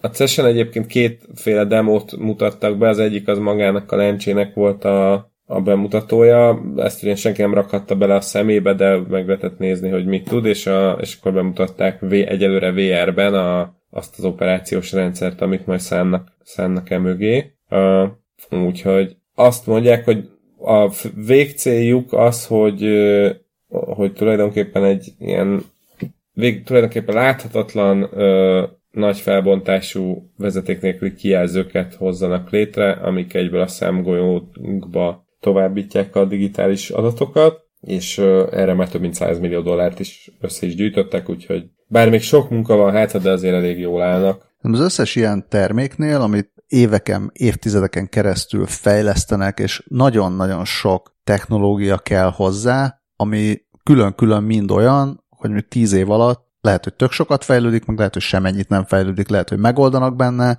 50 problémát, lehet, hogy lehet, hogy marad egy probléma, amit évekig nem tudnak megoldani. Tehát most egy, külön van a, a, a, az akkumulátor probléma, külön van a kijelző probléma, külön van az, hogy milyen operációs rendszer fut alatta, hogy irányítod, ez mind-mind külön-külön ilyen nagyon nehéz feladatrendszer, és külön-külön mindegyikkel foglalkoznak nagyon sokan, nagyon nagy cégeknél, akiknek folyamatos és már kereskedelemben elérhető termékeik vannak, amik feltételezhetően mindig a legutóbbi technológiát használják, ami már kereskedelmi mennyiségben előállítható és, és használható. És ez tök nehéz elképzelni, hogy, hogy képes vagy fejleszteni egy olyan terméket, mondjuk 10 éven vagy 20 éven keresztül, ami, tehát hogy te leszel, a, te leszel az első, ami, ami ezt megcsinálja, és az arra szükség is lesz. Nehéz elképzelni, hogy van egy cég, amelyik egy ilyen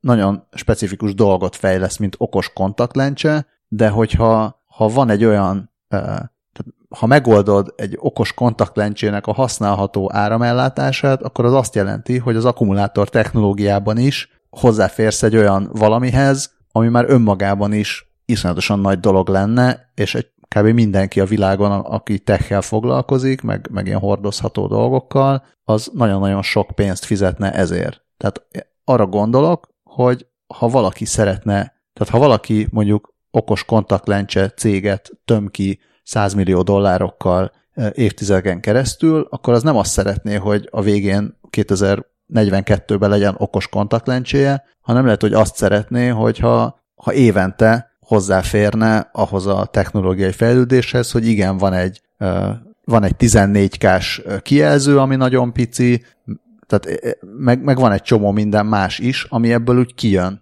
miközben fejlesztik az okos kontaktlencsét, ami majd vagy lesz, vagy nem lesz tíz év múlva használható módon. Évente be lehet mutatni a cesen, hogy már itt tartunk, de még ne ragd a szemedbe, de közben azért a, sok okos ember egy csomó minden máson dolgozik, meg egy csomó minden más problémát ö, megold, vagy, vagy előre halad benne, ami amúgy a, a telefonban, amit már ma is használsz, hasznos lesz. Egyébként pont azt írják még itt a singularity hogy, hogy hát itt a, ennél a cégnél, a Mojo-nál még úgy azért élénken emlékeznek a Google Glass-ra, meg a Magic Leap-re. Ha uh, más nem is. Ha má, de hogy pont ezt írják, hogy, hogy igen, uh, hogy ők még emlékeznek meg az újságírók, és hogy pont emiatt ezt a sajtókampányt, meg ezt a bemutatót is nagyon-nagyon visszafogottra uh, hangszerelték, és, uh, és azt is uh, már az elején leszögezték, hogy, hogy ők alapvetően már most egy olyan nist céloznak meg, ami, ami a, amit a Google Glass is uh, megtett, csak ők, a Google Glass ugye a nagy, nagy vizével csinadratával beharangozott óriási bukta után uh, átalakította gyorsan a Google Glass-t ilyen, ilyen logisztikai, meg uh, ipari um, eszközé, és ott, ott egész szépen el is vannak vele. A Mojo az viszont már eleve a látás sérültek, vagy szóval az ilyen olyan, olyan embereknek akar segíteni, akiknek tényleg nagyon-nagyon rossz a szeme, és azt is mondja, mondta Sinclair, hogy azért most jöttek ezzel elő, mert már látják azokat a darabokat, amiknek össze kell állnia, hogy működőképes legyen ez, a, ez az eszköz és azt mondják, hogy az, az első ö, elsődleges céljuk az, az az, hogy a rászorulókon segítsenek.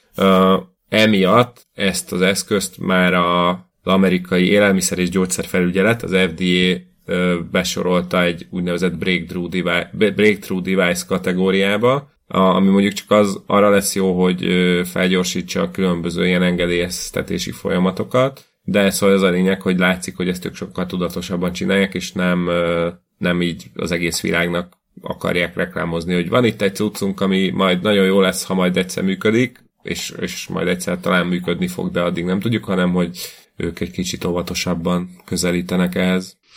Mm, ez tök érdekes, mert ö, tehát ugyanerről beszéltünk a, a, egy ceses ö, részben, a 98-asban, és akkor ott így ö, a HVG cikkében még azt írták, hogy azt mondja a cég, hogy két év múlva már a boltok polcain is megjelennek az első példányok. De lehet, hogy a CESen másik ember nyilatkozott. És ez ugyanígy ez a Mojo nevű cég, meg, meg ugyanez a kép hmm.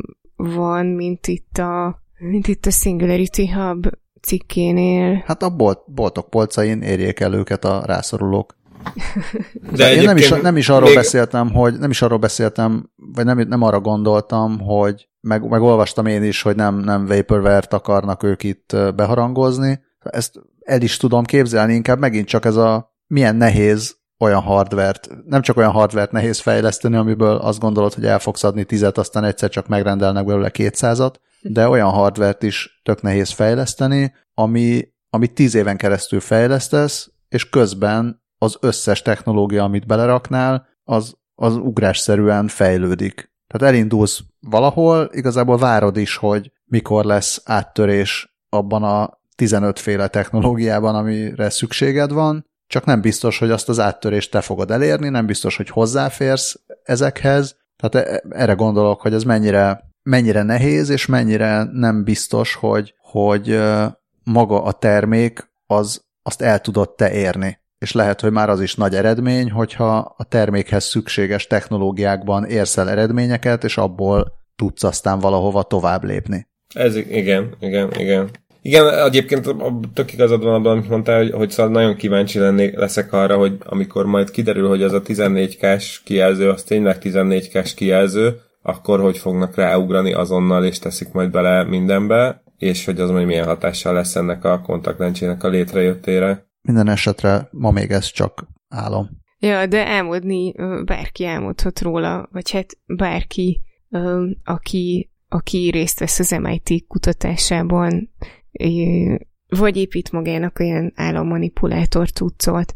Mert hogy most az MIT egyik részlegénél, a Design Lab vagy a Media Lab-en belül, bocsánat, van egy Dream Lab nevű egység, ahol az, azzal foglalkoznak, hogy azt tesztelik, hogy, hogy hogyan lehet uh, külső eszközökkel kontrollálni az álmokat, uh, és ez azért lesz jó, mert hogy ezzel, hogyha sikerül, vagy hát így tesztekben már így úgy néz ki, hogy alakul a dolog, ez azért jó, mert hogy ezzel lehet javítani a, az emberek általános közérzetét, de még a, a, még a kreativitást is lehet vele fejleszteni, és a laborban ez a csoport ez olyan viselhető eszközt fejleszt, amivel lehet interakcióba lépni az álmokkal.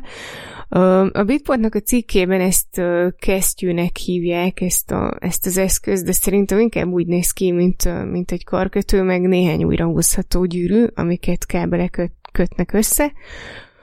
Ö, és akkor ez figyeli a, a viselőnek az állapotát alvás közben, és ö, nézi, hogy mikor következnek be az úgynevezett hipnagógikus időszakok, ö, ez az ébrenlétből az alvásba való átmenet, és ö, a, amikor ez a szakasz van, akkor az eszköz lejátszik egy ö, szót, és, ö, és akkor ez alapján ezt így észleli a, a a tesztalany, és a, hát a beszámolók szerint a, a, gyakorlatilag sikerült a manipuláció, mert lejátszották neki a tigris szót, és, és valamilyen formában megjelent az álmukban a tigris, és a következő lépés az pedig a, a szagmintával manipuláció lesz. Sőt, az az érdekes, hogy a, a kesztyűben működő szoftvernek a forráskódját közzétették a, a GitHubon, és uh, elvileg bárki építhet magának ilyen eszközt, és használhatja a szoftvert is, úgyhogy uh,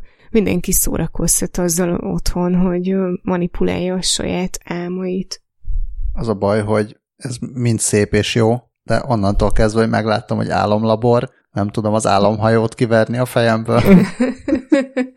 Tényleg nekem, a, nekem a, az a vastyuk és talán szeget jelenet jutott eszembe, amikor Panda Csöki Boborján bejelentette, hogy ő tud bármiről álmodni, és akkor a, ott ugye a közönség ö, előtt tesztelték a képességét, és akkor megmondták neki, hogy, ö, hogy álmodjon ö, banánról, de mondta, hogy ő pumpáról szeretne, de mondta a műsorvezető, hogy hát de lehet, hogy azt már évek óta gyakorolja, úgyhogy akkor végül a banánról volt kénytelen álmodni, de sikerült neki, és mikor fölébredt, akkor így mondta, hogy hát banánról álmodott. Pedig a pumpa sokkal jobb. Igen, ez...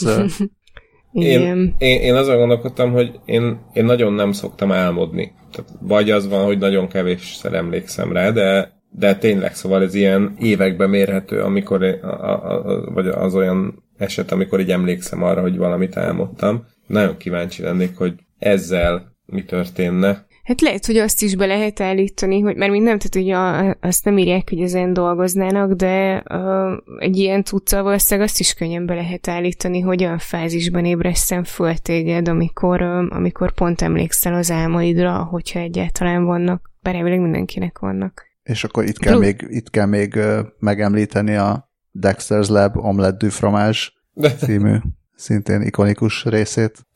Ja, tehát ha, ha már itt tartunk, a Bitport cikkének a végén a következő cikk ajánlója nagyon szép, a nővérnek állnának a nyomasztó robotkutyák című írás. Nem is nyomasztók, ráadásul ezek a spot, spot minik, úgyhogy azok meg kifejezetten cukik. Tök érdekes, nem, nem ezt a cikket ö, dobja fel, és egyetlen nem talál az oldalon ö, nővér szót. Hát akkor valami... Már vicces szavak, azt hadd mondjam el, hogy góg és hipnagóg fia vagyok én. Jaj, nálam is, nálam is a nyomasztó robotkutyák jelennek meg a cikk alatt, úgyhogy lehet, hogy valamit tud rólad. Hát lehet, vagy valami betegség bujkál itt bennünk, és akkor ezzel így átmosolhatunk a fél korona rovatba. Miért csak fél? Hát én tudjam, te raktad be. Mit, a félkoronát? A félkoronát ja, nem, tényleg... ezt te raktad be. Ja, jogos, igen, igen, bocs, igazad van, és elnézést kérek, és most már tudom is, hogy ez azért félkorona, Ez... mert igaz ugyan, hogy a, a Zoom konferenciákat, meg Webex, meg Discord, meg egyéb mindenfélét, azt most a járvány szabadította ránk így nagy, nagyobb mennyiségben, de ettől függetlenül ö, bármilyen más konferencia hívás során lehet használni a The Nib nevű oldalon egy Gemma Corel nevű művész által ö, megalkotott vide- ö, bingót, ö, amiben tényleg minden van, a, a bénán smalltalkoló kollégától kezdve a pizsamás kávés kollégán át a, addig az emberig, akinek nem jó az internetje, ezért pixeles, homályos, van, aki ugye megszakad közben, meg bejönnek a gyerekek, kutyák, macskák, stb. Ö... Dave szemüvegében tükröződik az, hogy valójában mesztelenségeket néz. Igen, igen, igen. És ö, meg persze az állandó hallotok, és te hallasz, de, de mi nem hallunk, de te hallasz, de te nem vagy bekapcsolva, és így tovább. Szóval ez semmi, ez 16 darab tétel, illetve 15, mindenki használja egészséggel. Drága hallgatók, ha kijön a bingo, akkor ér azt kiabálni egy 20 perccel a jövőbe. Ha videót is küldtök mindenről, akkor, akkor meg örök élet ingyen sör. Hát én most én végignéztem, nagyon kevés van, amit, ami eddig nem volt, pedig azt gondoltam, hogy egészen jó, jók a mindenféle távoli bejelentkezős élményeim. Szerencsére ez a tükröződik a pornó, ez, ezt még, ezt még nem még kellett kimaradt. tapasztalni a furcsa fink hangok, az sem volt, de persze az is lehet, hogy ha te még nem láttad, akkor, akkor te vagy az. Akkor te vagy az, igen. igen. Innentől a kérdés, mit néz Balázs videóhívás közben? És milyen hangokat ad ki? Hát bármit is nézek, nincs szemüvegem, úgyhogy Akkor nem a... tükröződhet. Maximum a szememben tükröződik, de hát az meg, az meg csak ilyen 90-es évek. Az akciófilmjeiben van, hogy a szem visszatükröződésből kinagyítják, hogy ki a gyilkos. Az AR Kizum. Na hát, tegyük fel a koronát. Igen, akartam mondani, hogy így, hogy így, hogy így hirtelen nem tudtuk, hogy kitette be ezt a hírt, ez akkor nem fél korona, hanem fél korona, de most már jöhet akkor a full korona. A fél homályos orgiák állandó problémája. Ö, igen, hát Balázs nem, nem, csak a, nem csak az okos asztal jön szeptemberre állítólag. igen, igen. Balázsra tanakodtunk, hogy maradjon ez a hír, vagy nem, mert hogy végül is igazából annyira nem ö, tartalmaz technikai és tudományos adatokat, de szeptemberre ettől függetlenül Oxfordi kutatók szerint elérhető lehet a koronavírus elleni oltás. Ez, Igen, ez hát azon, azon, azon tanakodtunk, hogy érdekel-e az bárkit, hogy mikorra lesz oltás. Persze, hogy érdekel. Nem, nem azt gondoljuk, hogy maga ez a hír nem érdekes. És ez, ez az eddigi, legalábbis amit én láttam, ez az eddigi leghamarabbi uh, hír ezzel kapcsolatban, mármint olyan értelemben, hogy ez lehet a leghamarabb készen. Azt írja ugyanis az Index, hogy uh, az Oxford Egyetem kutatói szerint már szeptemberre elérhető lehet az, e, a védőoltás első néhány millió adagja, és egyelőre az Oxfordi Jenner intézet mm, kutatói majmokon tesztelik a, az oltóanyagot, ami ed, eddig hatásosnak bizonyult, és a jövő hónap végére már 6000 ember bevonásával kezdhetik tesztelni ezt a vakcinát. Um, igaz ugyan, hogy a Nagy-Britanniában a következő hetekben uh, ha hatékonynak bizonyulnak a járványügyi intézkedések, akkor, akkor ugye sikerül folyamatosan tesztelni, tesztelni csökkenteni a fertőzött, fertőzöttek számát. És ez nehezítheti ezt az ügyet, mert az etikai szabályok tiltják, hogy a tesztelés szempontjából komoly betegséggel fertőzzenek meg embereket. Ezért, ha jelentősen csökken a fertőzési ráta, akkor lehet, hogy azok, akik placébót kapnának a tesztben, azok nem fertőződnek majd meg sűrűbben, azoknál a tesztalanyagoknál, akik a tényleges oltóanyagot kapják.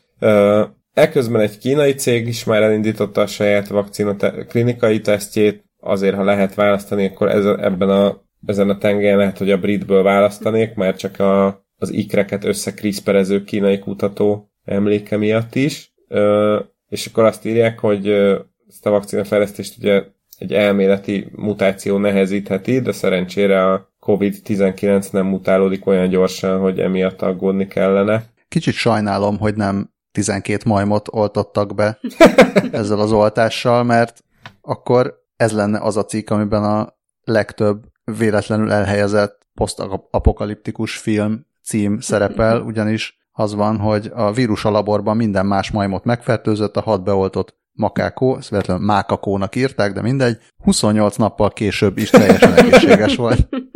Csodálatos. Szóval Alien, uh, alien. nem tudom, hogy ez a, ez a hír, azért is gondoltam, hogy maradjon benn, mert hogy vannak benne majmok, E, és, uh, és hát meggyógyultak a majmok. Azt nem tudom, hogy a többi majom meggyógyult-e, de ez is beállhat azon hírek sorába, ahol jobban lettek az állatok. Persze előtte nem tudom, hogy természetes módon fertőződtek-e meg vírussal. Ö, Szeretném ez, azt hinni, hogy igen. ha ez az, amire gondolok, akkor, akkor nem. Mármint ha ez az a kutatás, amire gondolok. Mert volt egy, volt egy másik Hát ez az a kutatás, amiről most beszélünk. Igen, igen, csak volt egy másik, amiben majmok, majmok meggyógyultak, csak nem emlékszem, hogy az az Oxfordi volt-e. Kutatások, melyekben majmok meggyógyultak. .com. Szeretem a pozitív híreket állatkísérletekről. Egyébként kéne egy ilyen oldal, ahol izé kísérleti állatok, akik túlélték. Kísérleti állatok, akik boldogabbak, mint voltak. Az, egy, az lehet, az egy, az egy aloldal lesz ez, ezen belül. Azért azt is mondjuk, hogy egy kínai vállalat szintén elindította a saját koronavírus vakcinájának klinikai tesztelését. Gondolom több vállalat is elindított már ilyen mindenféle teszteléseket, és az az Igen. oltóanyag hasonló technológiával készül, és szintén hatásosnak bizonyult a majmokon. És Majmok Kínában bolygója. viszont, Kína, igen, Kínában viszont azt mondják, hogy már annyira visszaesett a koronavírus fertőzések száma, hogy nehéz lesz bebizonyítani az oltóanyag hatékonyságát. és a, Milyen ügyes.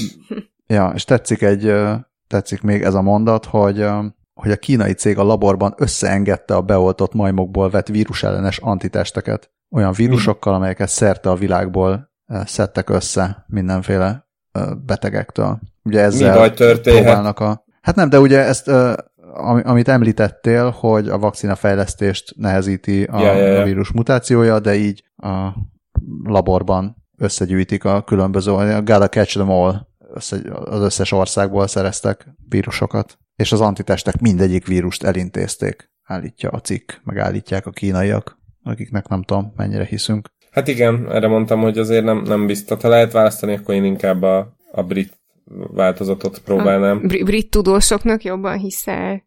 Hát legalábbis igen. Na, itt ö, innen, innen jelentem, hogy itt is csökkennek a, hát ha nem is csökken a betegek száma, minden esetre csökken a, az új megbetegedések aránya errefelé Izraelben, úgyhogy ennek örömére egy pár szilikonvádis hírt hoztam a koronarovatba. Az egyik az az, ezzel az elegáns átvezetéssel, hogy olvastam cikk, ugye beszéltünk a, egyrészt a betegek, meg nem betegek mindenféle követéséről és privacy gondokról, meg arcfelismerésekről, meg arcfelismeréssel követésről. Na hát itt egy, itt egy hír arról, hogy van egy CoreSight nevű, CoreSight AI nevű cég, ami már olyan technológiával büszkélkedik, ami maszkban is felismeri az arcodat. Róluk szólt az a híres sorozat, nem a Corsight szaga.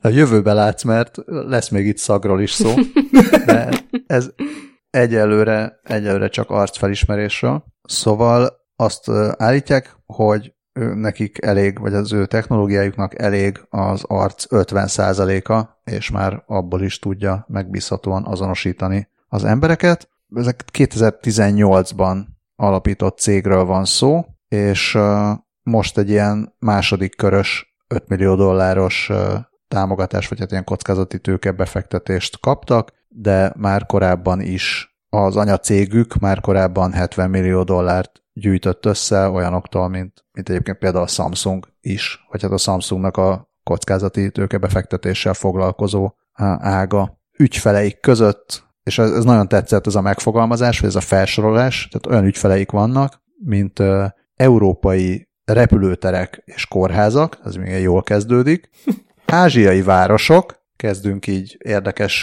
helyekre menni, dél-amerikai rendőrségek, bányák és afrikai, vagy hát afrikai bányák és bankok. És ez, tetszett, ez a, tetszett ez a lépcső a pokolba. Tehát eljutunk az európai repülőterektől az afrikai bányákig, A világ minden ahol pontján. mire használják a, igen, ahol a, az arcfelismerést használják, és viszont tehát ez még úgy creepy is lehetne, hogy persze most már maszkban sem lehet elmenekülni az arcfelismeréstől. Kérdés, hogy hogyha összeengedik, ugye vannak ezek a arcfelismerő szoftvereket áttrükköző maszkok, azt nem tudom, hogy ezzel mit kezd a Corsight, viszont azt állítják a saját weboldalukon, és ez végül is hihető is, hogy nem, tehát arcot, arcokat nem tárolnak, hanem az arcok, gondolom vannak ilyen mindenféle ilyen pontok, meg a pontok közti kapcsolatok, amik, amik, amik alapján dolgozik az algoritmus, és akkor ennek van egy, van egy digitális aláírása. Egy arclenyomat? Digitális igen, arclenyomat? Egy,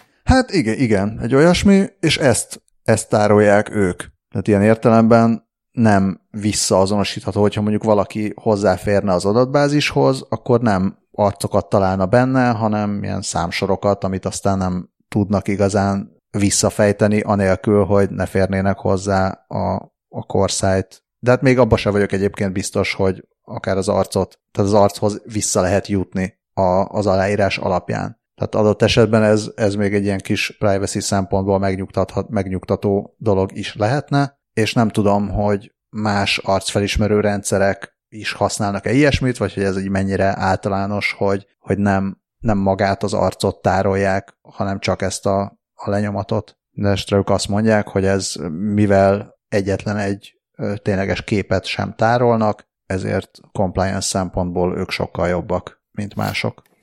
Ez és van egy, érdekes nagyon. És van egy tök jó videó, vagy hát most persze magáról mindenki olyan videót csinál, amit, amilyet akar, de egy ilyen magukról egy ilyen kis marketing önpromó videó, ami mutatja, hogy mindenféle maszk, meg arcba fésült haj, meg ilyesmivel is tök jól azonosítja az embereket, a korszájt. És itt most ezt, hát azt nem tudom, hogy ezt konkrétan erre használják-e, minden esetre használhatnák például arra, hogy a karantén szegőket korona idején jól felismerik, és lecsapnak rájuk, és visszatakarítják őket a lakásukba. Mielőtt megorrolnának rájuk. Oh. Nagyon jó. De még mindig korán próbáltam átvezetni. De még mindig, nem, nem, jókor, mert Corsightról elég ennyi is. A másik szilikonvád is hír, ez kevésbé szilikon, mert valahogyan szilikon napnak hangzik, de vádinak vádi, mert szintén egy izraeli fejlesztésről van szó. Ugye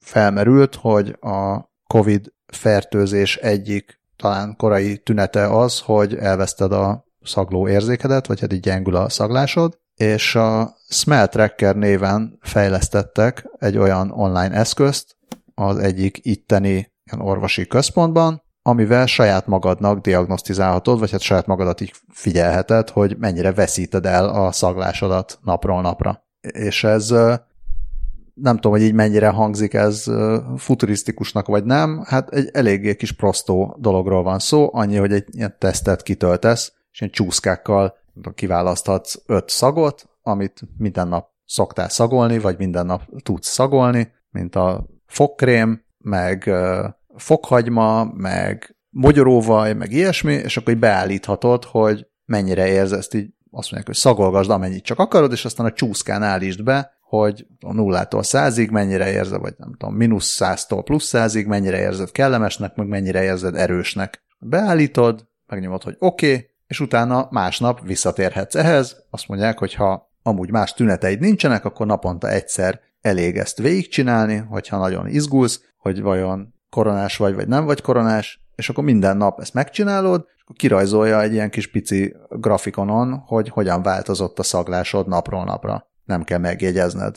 Most az felmerülhet a kérdés, hogy honnan tudnám, hogyha tegnap azt gondoltam, hogy a fogkrém illata az 62, és 43, amennyire ez tetszik, akkor most másnap, hogyha éppen nem tudom, rosszabbul aludtam, és akkor nem 62, hanem 64 és fél, de ugyanakkor nem emlékszem, hogy a csúszkát meddig húztam, és egy picit tovább húzom a másikat, szóval annyira ez nem tűnik robusztusnak, ez, a, ez az eszköz. Igen, igen, illetve ö, ilyet így ö, csinálhatsz magadnak is otthon, hogy így kirakod magad elé minden reggel a parfümödet, meg egy gereszt fokhagymát, meg nem tudom, még néhány dolgot, aminek így erősebb ö, szaga van, és akkor, ö, és akkor szagolgatod minden nap, és így egy Excel táblázatba vezeted, hogy most a 100-ból 72-esnek érezted a parfümödet, de hogy, tehát, hogy annak így nem fog változni az, az illata, vagy az erőssége, vagy ilyesmi. Hát de az nem online. Ez meg online. Az, ja, igaz. Jó,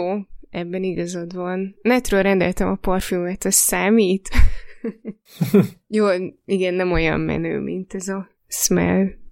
És még azt mondják, hogy fejlesztenek ilyen kis uh, scratch and smell uh, kis csomagokat, amikkel Hát igen, végülis akkor ezek szerint már nem is kell, nem is kell online, hanem akkor már tarthatod magadnál, nem kell mindig kikészíteni a parfümöt, meg a fokhagymát, hanem ott lesz kéznél a kis csomag, amit meg vakarázhatsz, és akkor szaglázhatsz, hogy most elvesztetted, vagy éppen visszanyerted a szaglásodat tegnap óta. Scratch and Smell, ez nagyon szép. Nektek nem volt Scratch and Smell könyvetek? De a Scratch and, én Scratch and Sniffként ismertem, ja, de Scratch igen. and Sniff, igen. Hát gondolom a sniff lehet, hogy az véd, le, le volt védve, és akkor ezért most... Ja, igen, igen, igen. Nekem olyan nem volt, uh, anyukám avonozott, és az avon katalógusban az illatosított oldal volt helyette. Hát uh, az se rossz. Én a, mindjárt nézem a pontos címét, űrhajó az Orbolygóról című Perkes oh. Péter Csukás István művet uh, tudnám idézni, nekem az volt meg, Sajdik Ferenc rajzaival, és uh, abba voltak ilyen kis kerek matrica szerűségek, amiket lehetett dörzsölgetni. Hát igen. Kiskoromban ez volt a teljesen futurisztikus fejlesztés, hogy képregényben dörzsölgetted a papírt, és akkor banánszaga volt meg rágógumi. Egyébként szerintem nekem is ez volt meg, mert nem emlékszem a címére, de a Sajdik Ferenc rajstílusára igen, meg a kerek alakú kaparázható területekre, úgyhogy gyanús. Nekem nem volt ilyen könyvem, pedig tök jó buli lehetett. Szerintem te túl fiatal vagy ehhez még, Scully. hát pedig. Ez egy nagyon régi pedig. könyv. És azt néztem, hogy a moly.hu-n 24 csillagozása van, és 95%-on áll az űrhajó az orbolygóról. És még, még mindig van illata ennyi idő után. Biztos vagyok benne, hogy semmiféle illata nincsen, amiben büdös, vagy hát nem büdös, hát kinek milyen, szóval ilyen gondolom, hogy dohos papír illata van. A, hm. feltételezem, hogy hát 85-ben adták ki, tehát 35 év alatt lehet, hogy azért nem maradt meg semmiféle illat. De lehet, hogy a mint condition űrhajó az orbolygóról az.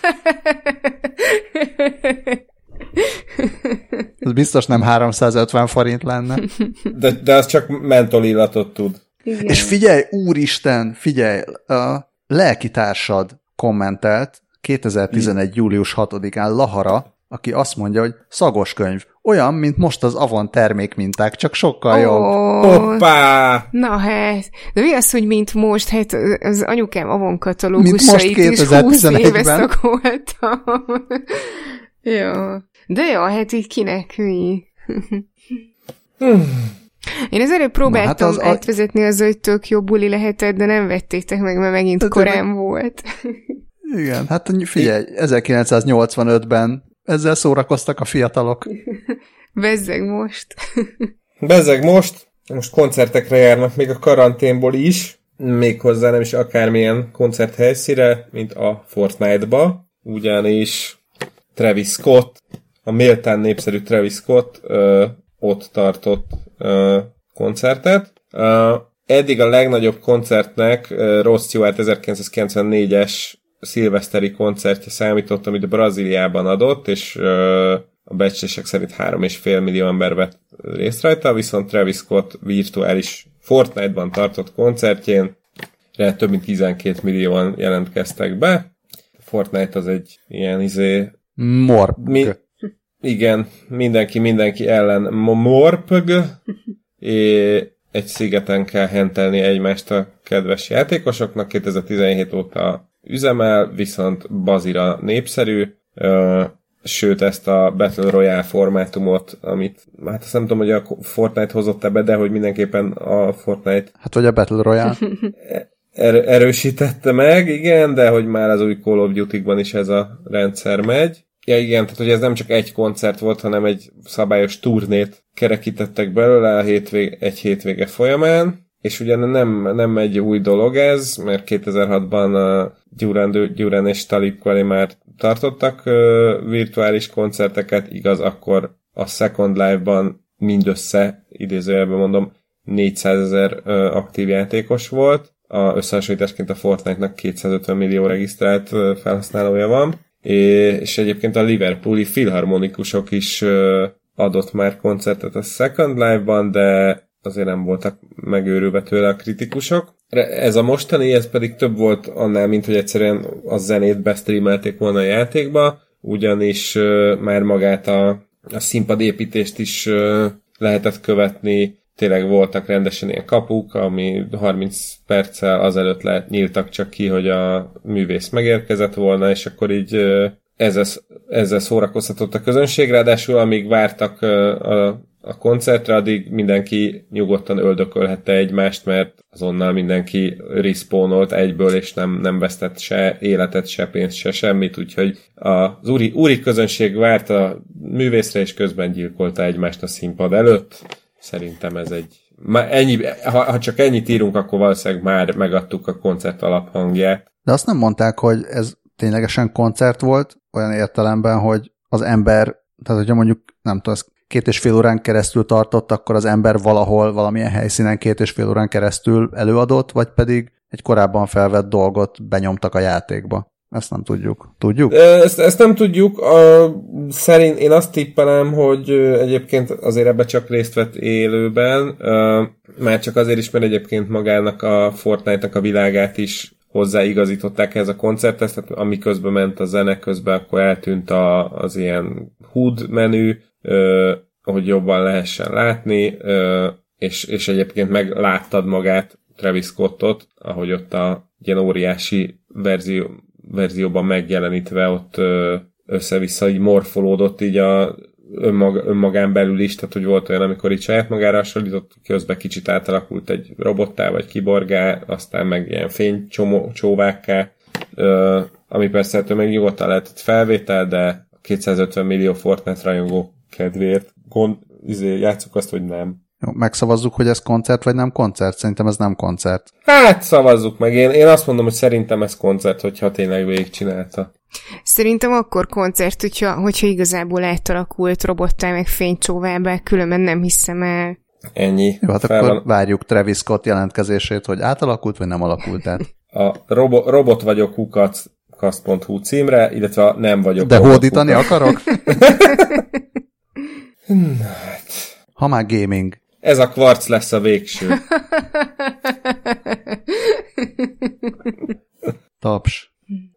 Uh, igen, ha már gaming, uh, ezúton is küldeném ezt a címadási javaslatot Stökinek, mert ő, ő írt egy kiváló összefoglalót a kvarcjáték történetéből uh, Indexre. Tegnap nem sokkal évfél előtt jelent meg, úgyhogy én ebből kifolyólag ma olvastam, és már egyből a nyitóképen látható polipos kvarcjáték fotójától ellágyult a szívem, mert bár ugyanilyen nem sose volt, de nagyon szerettem volna. Ö, és, és tényleg egy, egy parádés összefoglaló a kvarcjáték létrejöttéről, a sikeréről, mögötte álló emberről, ö, csomó érdekes információ van benne. Most így külön nem is nagyon emelnék ki belőle semmit, legfeljebb annyit, hogy azért tudott nagyon de azért lehetett nagyon nagy sikere a kvarcjátékoknak, így a 80-as, 90-es években, mert a, a mérnök, aki ezt kifejlesztette, akit úgy hívnak, hogy na, hirtelen elvesztettem a fonalat, szóval úgy hívják, hogy Yokoi Gunpei, a Nintendo egykori vezetőmérnöke, hogy ő rájött, hogy úgy is meg lehet ezeket a játékokat csinálni, hogy ilyen viszonylag egybefüggő részeket a képernyőn egyszerűen csak elsötétít, vagy, vagy, vagy kivilágosít, ami, ami egy nagyon egyszerű műszaki megoldás tett lehetővé, de úgy, Annyira hogy csodálatos, hogy ugyanabban az epizódban beszélünk a 14K-ról, mint erről. I- igen, igen, igen, igen. Szóval, hogy, hogy igen, arra jött rá, hogy nem pixelekben gondolkodott, nem képpontokból akart összerakni a grafikát, hanem ezeket az egymást nem átfedő folyadékkristályos területeket kapcsolgatta ki és be, és az volt a jó benne, hogy, hogy ő arra is rájött, hogy, hogy ezek több ne, lehetnek más alakúak is, mint amit a kvarcórán látsz, hogy izé pálcika, pálcika, ö, hogy lehet ez egy fej, vagy ez a polip, amiről beszéltünk, vagy egy labda, vagy hasonló, és, ö, és emiatt elképesztően jó grafikákat tudott, lehetett összehozni ezekkel a az eszközökkel, amikor az ugyan, ugyanúgy, ugyanak abban az időben létező számítógépek még ilyen böszmel pixelekkel tudtak csak dolgokat megjeleníteni. de tényleg ennél sokkal több mindenről is szól a cikk, úgyhogy tényleg olvassátok el, mert csomó érdekesség van benne, és, és tök jó ilyen kis nosztalgia, hogyha valaki játszott még kvarcjátékokkal, akkor, akkor biztos, hogy sok kedves emlék előjön majd olvasgatás közben. Nekem, képzeljétek el, nekem volt egy Game and Watch, ez a kagyló, ez a kihajthatósból, a Livebot, uh. amit be is linkelek majd, és megnéztem egy ilyen Livebot YouTube videót, valahol egyébként biztos megvan, nem, nem jó állapotban, mármint így külsőleg, mert én használtam is, de egy Nintendo gyűjtő haverom folyamatosan kunyizta meg fenyegetésekkel mindennel próbálta kinyerni tőlem, de nem voltam hajlandó odaadni neki, ha jól emlékszem, tehát biztos, hogy meg kell, hogy legyen még valahol. Amit én kimaxoltam, 999 pontig lehetett benne játszani, és még ami nagyon-nagyon jó volt benne, egyébként a, a, a Nintendo-t én, én nagyon szeretem. Volt Gameboyom, és nem vagyok egy ilyen nagy játékos, meg nagy konzolos, Nekem most is, amikor konzolt kellett venni, és végig gondoltam, hogy mit vegyek, akkor úgyhogy a, tudjam, hogy gyerekeknek is tök jó lesz, meg nekem is tök jó lesz, akkor egy Switch-et vettem, én abszolút Nintendo-s vagyok, tényleg azt látom, hogy nem évek, de évtizedek óta nagyon értik, hogy mitől jó egy játék, és ez a Livebot, ebben még az volt a tutiság, minden ilyen Game Watch-on volt A és B játék, és azt hiszem úgy volt, hogy az A meg a B játék az egyik, tehát a B az úgy nehezebb volt, mint az A. Hogy ennyi volt a különbség, lehet, hogy gyorsabb volt, vagy valami ilyesmi. De a Liveboton két úgy mechanikában is különböző játék volt, tehát ténylegesen két külön játékod volt. Az volt a cél, hogy a hajóról, égő hajóról jönnek le az emberek, és a játékban a két képernyőn egy-egy mentőhajóval el kellett kapni a leeső emberkéket, és kirakni őket a, a, két, a képernyő két szélén lévő szigeten. És nem tudtad elkapni, vagy mondjuk túl sok volt már a négy emberke fért el a mentőhajóba, és hogyha túl sok volt, az ötödik az már vízbe potyant, és megette a cápa. És akkor volt három, három életed. Tehát tök, tök bonyolult ahhoz képest, hogy mennyire primitív technológia, vagy, vagy nem is azt mondom, hogy primitív technológia, de hogy mennyi korlátozással kellett dolgoznia a játékfejlesztőnek, ahhoz képest ugyan tök bonyolult volt maga a játék, tehát eleve az, hogy korlátozott az, hogy hány ember fér be a, a hajóba, volt egy bizonyos idő, ami kellett, hogy amit töltsél kinn a parton, hogy elkezdjen kiszállni az emberke, akkor is szállt ki a, a négy emberke egymás után. Na és az volt az ájáték, hogy hogy a két képernyőn volt egy-egy hajód, és a B játék meg az volt, hogy a két képernyőn egy darab hajód volt, és átment az egyik képernyőről a másikra a hajó. Ja, ez már egészen összetett tényleg. Ja, ja. Szóval ezek, ezek tök jó játékok voltak, és persze emlékszem az orosz koppintásra is, ami a, vagy szovjet koppintására is, a, hát nem, a, nem is feltétlenül csak az Octopusnak, de volt ilyen Nupagagyi játék. Azért az mit érhetne ma egy mint condition Nupagagyi kvarcjáték biztos lehet ezeket eBay-en meg itt ott, ott kapni. És ugye ezek olyan eszközök volt, tehát ezek így tényleg ez a klasszik, akkor még belerakták a vasat, tehát biztos vagyok benne, hogyha szerzel hozzá kis izé, gombelemet, ez tudja, hogy még ma is működik, mert egyszerűen nincs mitől nem működjön. Tehát ezeket biztos, hogy ha megőrizted fizikailag jó állapotban, nem tud elromolni egy ilyen. Tök jó kis játékok. Én, én arra emlékszem csak, hogy egy ismerősömnek volt ilyen oktopuszos Game watch de én már csak abban az állapotában találkoztam vele, amikor már ilyen sok év múltán előkerült a doboz mélyéről, és még így a, a háttér, a színes háttér látszott rajta, meg ha így meg jó szögbe esett rá a fény, akkor még a polipot is ki lehetett venni, de, de már bekapcsolni nem lehetett sajnos. Ja, meg tényleg lehet, hogy végül is ez az ilyen LCD, az hülye szó, hogy ki tud égni, de gondolom, hogy el, el tudott így, nem tudom, nem tudom, mi van e mögött, hogy hogy mondják, amikor már nem nem annyira kontrasztos, de úgy meg tud szűnni a kontraszt. El, el, elhalványul meg ott, izé, hogyha elreped, és akkor ott a folyadék kristályos része az ott szétfolyik, akkor... Elfolyik a kristály. Így. Na, mi is elfolytunk egy picit így a végére. Jó, be a retróba, aztán lassan, lassan-lassan csak megszűnik ez, hogy kell koronarovat, meg nem koronarovat, hát, nem? úgy legyen. Hát, igen. Legkésőbb szeptemberre, amikor Oxfordból megérkezik a majomoltás. Azt hittem a legkésőbb szerdára mondom, hűha, kemény tempó. Szerdai híreink. Elmúlt a járvány. Versenyezzenek az okosasztallal, de inkább a vakcina legyen gyors. Ámen. Drága hallgatók, nagyon szépen köszönjük a hallgatást, nagyon szépen köszönjük a az e-maileket, meg se köszöntük Gergőnek. Köszönjük, Köszönjük. szépen Gergő az e-mailt. Köszönjük. Tök jó, tök jó volt olvasni, kedves soraidat, és nagyon szépen köszönjük a megosztásokat is, amennyiben megosztjátok ezeket a műsorokat, meg az iTunes visszajelzéseket is, meg, meg minden egyebet. Még maradtak Patreon támogatóink is, pedig mindig azt mondjuk, hogy támogassák inkább a, nem tudom, egészségügyben dolgozókat, meg a idős szomszédokat, meg rokonokat, de azért annak is örülünk, hogyha minket támogattok, mert az is tökre jól esik, de mi most annyira nem vagyunk fontosak. Lehet, hogy már nem hallgatnak minket, és azért nem hallják az üzenetet, és úgy beállítva maradt a Patreon. Hát akkor ez, ezzel nem tudunk mit kezdeni. Azért nagyon szépen köszönjük, hogy ilyen feledékenyek, és uh, további kellemes Zoom bingót kívánunk. Szervusztok! Sziasztok! Hello.